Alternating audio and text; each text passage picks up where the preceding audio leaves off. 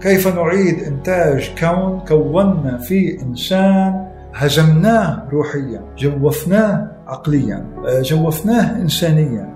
كلما يعني هزم الإنسان العادي وتم إخراجه من العملية السياسية. عدم تكوينه كفاعل تاريخي قادر على اتخاذ القرارات من أجل تغيير أسس اللي بتنتج بتعيد إنتاج حياته. بنلاقي إنه الأمور رح تسوء من اسوء لاسوء والخدمة القرض وإنتاج الديون الدولة هو عامل إيجابي طالما كان عامل اجتماعي وإنتاجي ليس عامل خاص كما عندنا كما عندنا في الدول العربية. لأنه هنا الدولة تقترض لطبقة تحكم.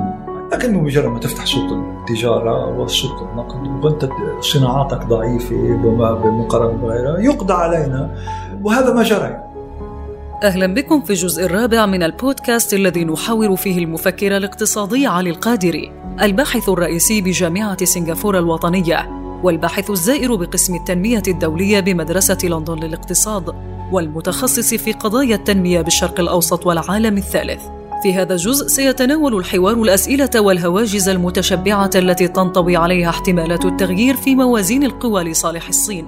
فهل سيصب التغيير في مصلحة دول العالم الثالث التي فقدت القدرة على إعادة بناء نفسها كنتيجة لتبعيتها إلى الرأسمالية الغربية؟ أم أن الأمر لن يعد في واقعه أفولا لقوى عظمى في مقابل بروز قوى عظمى أخرى بديلة؟ لن تلبث أن تعيد إنتاج الأساليب السابقة في فرض الهيمنة لاستغلال الشعوب ومقدراتها ومواردها كما سيعرج الحوار على المخاوف حيال مصير الديمقراطية وحقوق الإنسان إذا ما سعت الدول الثالثية إلى محاكاة التجربة الناجحة للقوة الجديدة بنموذجها الشيوعي والذي له مفهومه الخاص تطبيق الديمقراطية وأيضا احتمالات تحول المواجهة الاقتصادية إلى صراع عسكري مباشر بين الولايات المتحدة والصين وبما قد يؤدي إلى نتائج مدمرة. لن تكون دول العالم الثالث في منأى عنها بل ربما تكون الأشد تأثرا بها. المؤكد اليوم هو أن الصين وتجربتها غدت نموذجا ملهما للدول الباحثة عن مخرج وأيضا التي استسلمت لفكرة أنها متخلفة وغير قادرة على الإبداع وتنمية نفسها بمعزل عن الغرب. باعتبار أن الأخير هو القوة الكبرى ويملك حصريا إلى جانب الثروة القدرة على الإبداع التقني والثقافي والاقتصادي.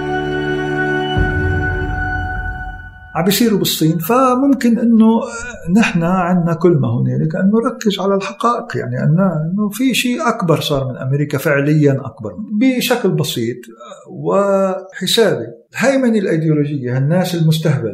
اللي بتفهم مفاهيم إنه إحنا مش شاطرين لذلك إحنا أو نحن بلا ثقافة أو هو يعني إسلامنا أو مسيحيتنا أو بوذيتنا هي اللي عملت فينا هيك بدل يعني ما يرجعوا الأمور. ما فيش فكرة بتعيش في الزمن مثل ما هي يعني. كل فكرة لها جوهر محدد تاريخيا. وهذا هو تحديد المفهوم الصحيح العلمي يعني. أنا لا يمكن أخذ فكرة يعني من قبل التاريخ وأقول إنه أنا مستمر من قبل التاريخ. هذا هراء يعني. طبعا. وهذا الفكر تصور إنه في ناس كلها بتصدقه يعني.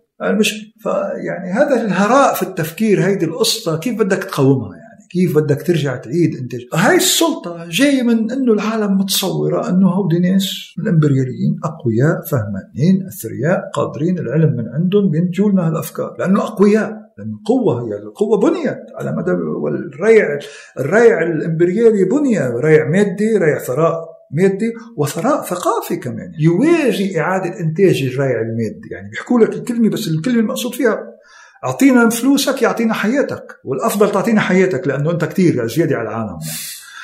فهيدا هيدا هيدا واقع. يعني مش عم نحكي شيء يعني إنه والله خيالي. وكله هيدا جاي من السلطة. عندي نووي عندي مارينز عندي كذا. هيدي انتهت. هلأ فعليا انتهت. يعني هلأ الصين تستملك في الكون من خلال هاي العملية الاستثمارية. في مناطق محظرة سابقا إمبرياليا أمريكيا.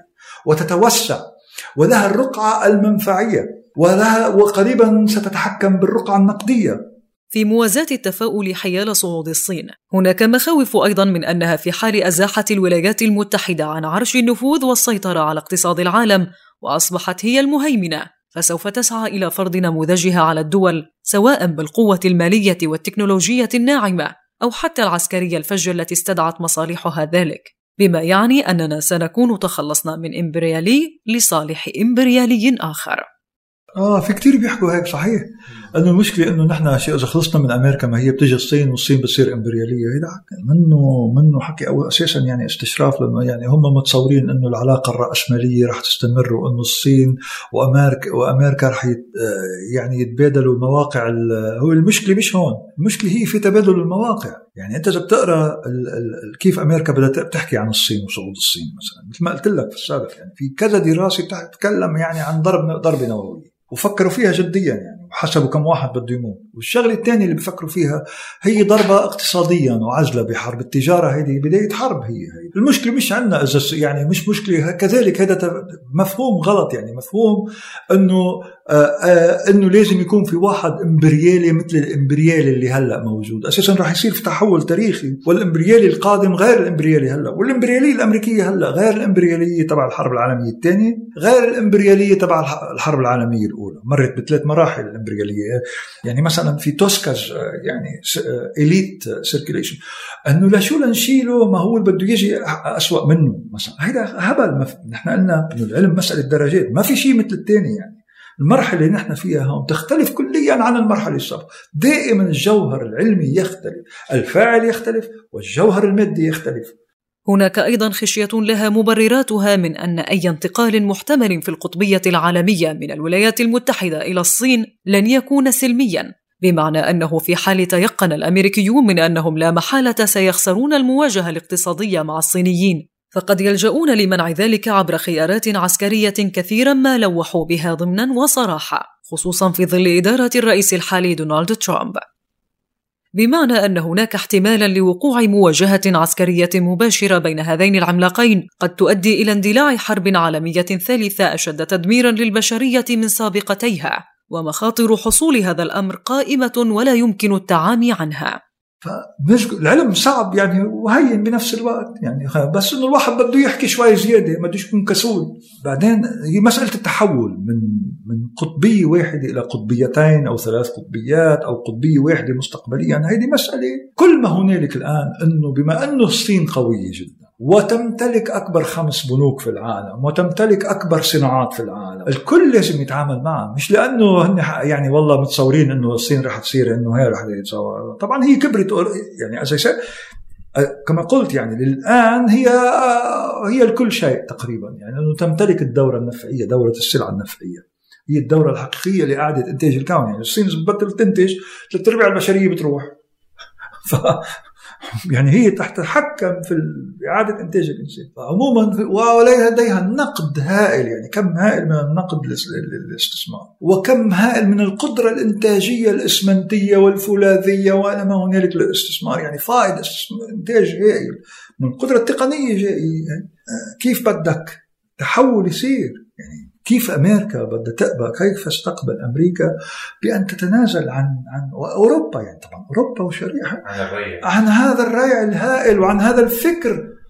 مسألة التحول يعني بيحكوا هلأ في كتابات يعني أنا مثل آثينا وسبرطة أو وحربيهما يعني لما حسوا أنه في طرف ثالث عم يقوى لازم يقتلوه دائما. عملية تغيير الإمبراطوريات بيصير بالحروب ولا هذا. إسقاط تاريخي كمان خيالي بالإله الانطباع العام هو أن التغيير في موازين القوى يبدو اليوم أكثر ترجيحا من أي وقت مضى وفي حال حصوله ستكون شعوب الثالث أمام فرصة تاريخية لإعادة بناء اقتصاداتها ضمن ضوابط سيادية وبعيدا عن التبعية التي استنزفت مقدراتها وقتلت إمكانية التنمية لديها. فهل لدى هذه الشعوب وضع النظر الضروري الذي يجعلها تستعد من الآن؟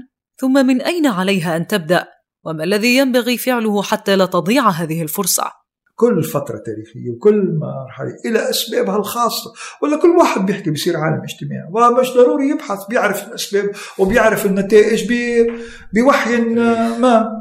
ليست الأمور بهذه البساطة يعني. وكل شيء محدد تاريخيا خصوصا الاجتماعي. لذلك دراسة التاريخ هي العلم الاجتماعي والتحول التاريخي ليس الزمن الكرونولوجي إنما بالزمن التجريدي اللي هو ما هو ما فوق محدد. كلما يعني شيء صعب بفسرها كيف؟ ليش لحتى نحكي بطريقة بسيطة يعني مرات فينا نصعب أنا بديش صعب بصراحة بدنا نحكي فيه إنه ما ناخذ الأمور آه، كمنزل عمليه بسيطة. هكذا هكذا هكذا هكذا ثم آه، ففي تحول كوني وتحول كوني لمصلحتنا لمصلحة مش بس لمصلحة العرب لمصلحة شعوب العالم الثالث كلها. اللي هلا بده يصير عندها نوع من الهامش اللي ممكن تتحرك فيه لصياغة بعض السياسات السيادية في بناء اقتصاديات. وأول السياسات السيادية هي التحكم بالسياسة النقدية أو السياسة المالية. هيدي أهم شيء هيدي السيادة. بمجرد ما أنت تفتح سوق المال وتفتح حساب رأس المال وتعلق سعر الصرف بالدولار ما عادش عندك سيادة مالية ما عادش عندك سيادة على ثروتك. يعني مش ضروري هو يعيد الاستعمار الكولونيالي الكولونيالي من الأول ويبعث جنود مارينز ويحتلك لياخذ رزقك. بيسحب رأس مالك هو قاعد هونيك. هذا لذلك هي أبشع أنواع الإمبريالية هي الإمبريالية الحالية. التغيير في حال انتقلت موازين القوى عالميا من المؤكد أنه لن يقتصر على الجانب الاقتصادي. بل سيتبعه بالضرورة تغير في أنماط الأنظمة السياسية وأبرزها الديمقراطية بمفهومها الغربي السائد. وذلك مع سعي الدول إلى محاكاة التجربة الناجحة للقوة الجديدة وبنموذجها الشيوعي والذي له مفهومه الخاص لتطبيق الديمقراطية. وهنا يبرز جدل حيال إمكانية أن يؤدي هذا التغيير إلى الحد من مشاركة الشعوب في حكم أنفسها ويقيد حرياتها ودورها في إدارة مواردها والرقابة عليها. وبالتالي تراجع اقتصاداتها وتردي مستوياتها المعيشية وذلك كمحصلة لتركز السلطة واقتصار تداولها ضمن حزب أو طبقة سياسية معينة. إن تحكم الإنسان بموارده أو الشعب بموارده لأن الإنسان كما قلت ليس إنسانا بمفرده إنما علاقة اجتماعية. فهذا هو الصلب المادي أو مضمون المادي للفكره الديمقراطيه بالأخير إذا أردنا أن نعرف أن أو نقيس الديمقراطية مدى الديمقراطية. هناك ديمقراطية في الهند آتية من خلال صناديق الاقتراع. في الهند هناك 700 مليون جائع يمكن. منذ يوم منذ أسبوع التقيت بقدس باتناي كانت تتكلم عن استهلاك الحراري للشخص الهندي وهو أدنى استهلاك حراري في العالم من الحبوب الآتي من الحبوب يعني مش أقل أقل من أفريقيا. السعرات الحرارية اللي في الهند يعني 135 شيء في الشخص أفريقيا 250 أفريقيا ما تحت الصحراء.